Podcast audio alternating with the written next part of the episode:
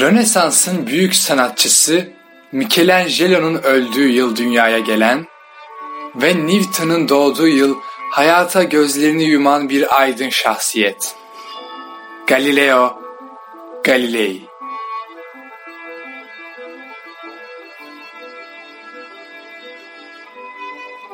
İtalya'nın kulesiyle ünlü Pisa şehrinde 15 Şubat 1564 günü dünyaya geldi Galileo.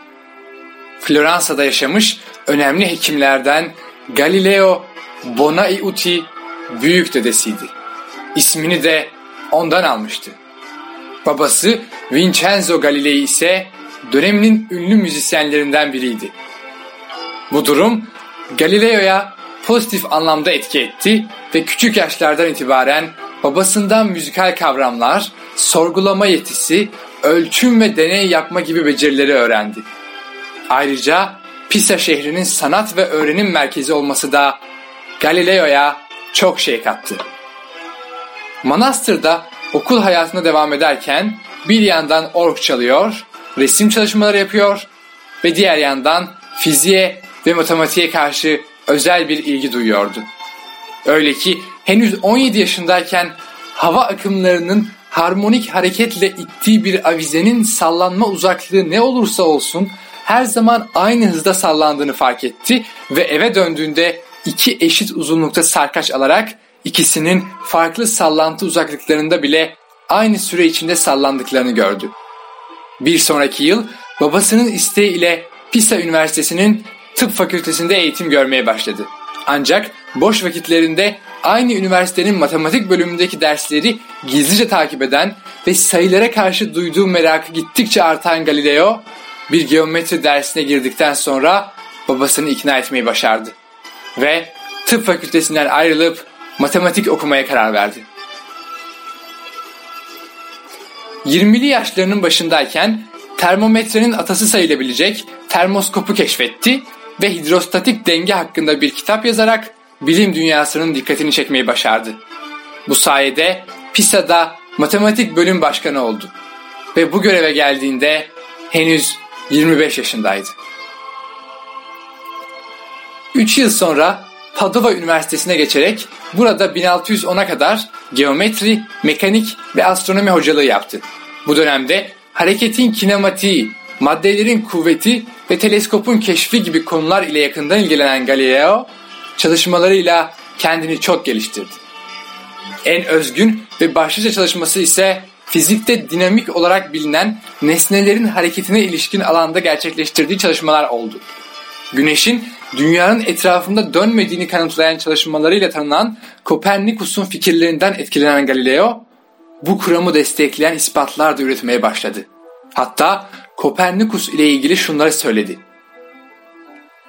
Kopernikus'ta beni en çok şaşırtan şey aklı duyularına egemen kılması ve inançlarını yüzeysel gözlemlere değil aklın temeline oturtmasıdır. O dönem Katolik dünyasında çoğu eğitimli insan ya Aristo'nun dünya merkezli görüşünü ya da Tico'nun güneş ve dünya merkezli teorilerin karışımı olan görüşlerini kabul ediyordu. Dünya ve diğer gezegenlerin güneşin çevresinde döndüğü bir astronomik model olan güneş merkezli teoriler ise eski çağlardan beri var olsa da o zamanlarda yalnızca Kopernikus tarafından dile getirilmişti.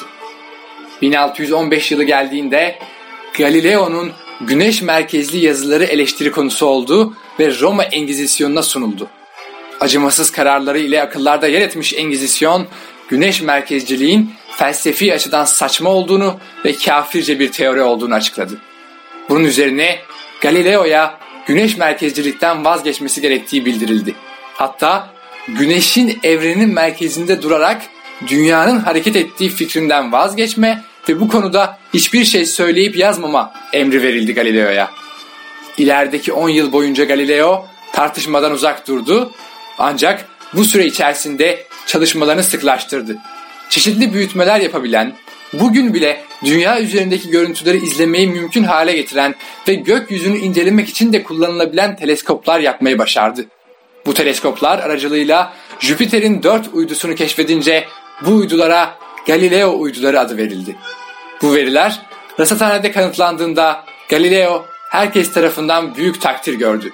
Zira Kepler'in imkansız dediği şeyi başarmıştı. Uyduların yörüngeleri ve evreleri ile ilgili çalışmaları da o güne kadar yapılmamış bir şeydi. İlerleyen yıllarda Venüs'ü, Satürn'ü ve Neptün'ü gözlemledi. Bu gezegenlerin hareketleriyle ilgili önemli notlar aldı. Ve yıllar boyu edindiği bilgiler sonucu baş yapıtını yazdı. İki dünya sistemi üzerine diyalog.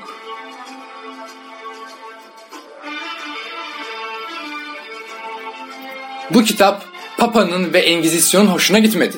Ne var ki Galileo işkence tehdidi altında olmasına rağmen fikrini savunmaya devam etti. Mahkemenin ardından Engizisyon kararını şu üç maddeyle açıkladı.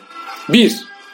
Galileo ciddi kafirlik şüphesi altındadır ve güneşin hareketsiz olarak evrenin merkezinde durması ve dünyanın hareket etmesi fikrini İncil'e aykırı bulunması nedeniyle lanetlemesi gerekmektedir. 2. Galileo yaşamı boyunca ev hapsinde tutulacaktır. 3. Galileo'nun bugüne dek yazdığı ve gelecekte yazacağı yapıtların basılması yasaktır.